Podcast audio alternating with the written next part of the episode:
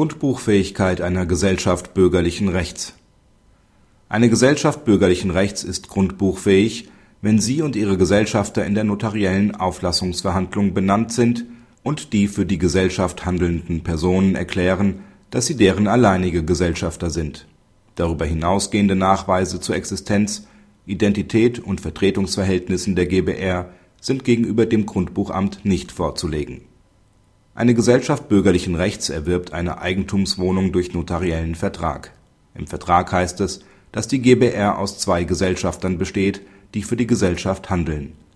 Der beurkundende Notar stellt einen Antrag beim Grundbuchamt, das Eigentum auf die GbR umzuschreiben und eine Buchgrundschuld einzutragen. Das lehnt das Grundbuchamt allerdings ebenso ab wie das Kammergericht als Beschwerdegericht. Nach Ansicht des Beschwerdegerichts steht der Umschreibung des Eigentums ein nicht behebbares rechtliches Hindernis entgegen. Denn die zum Nachweis der Auflassung vorgelegte Unterlage sei nicht geeignet, die Identität der GbR mit der für Grundbucheintragungen notwendigen Bestimmtheit festzustellen. Insbesondere könne nicht ausgeschlossen werden, dass die GbR noch weitere unbekannte Gesellschafter hat. Dieser Argumentation folgt der BGH nicht. Zwar ist richtig, dass eine Gesellschaft nur dann als Eigentümer in das Grundbuch eingetragen werden kann, wenn ihre Identität feststeht und sie von anderen Gesellschaften unterschieden werden kann.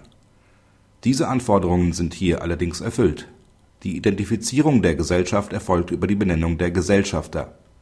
Diese müssen nach § 15 Absatz 1 GBV mit Namen, Geburtsdatum, gegebenenfalls Beruf und Wohnort bei natürlichen Personen bzw. dem Namen der Firma und deren Sitz bei juristischen Personen bezeichnet werden.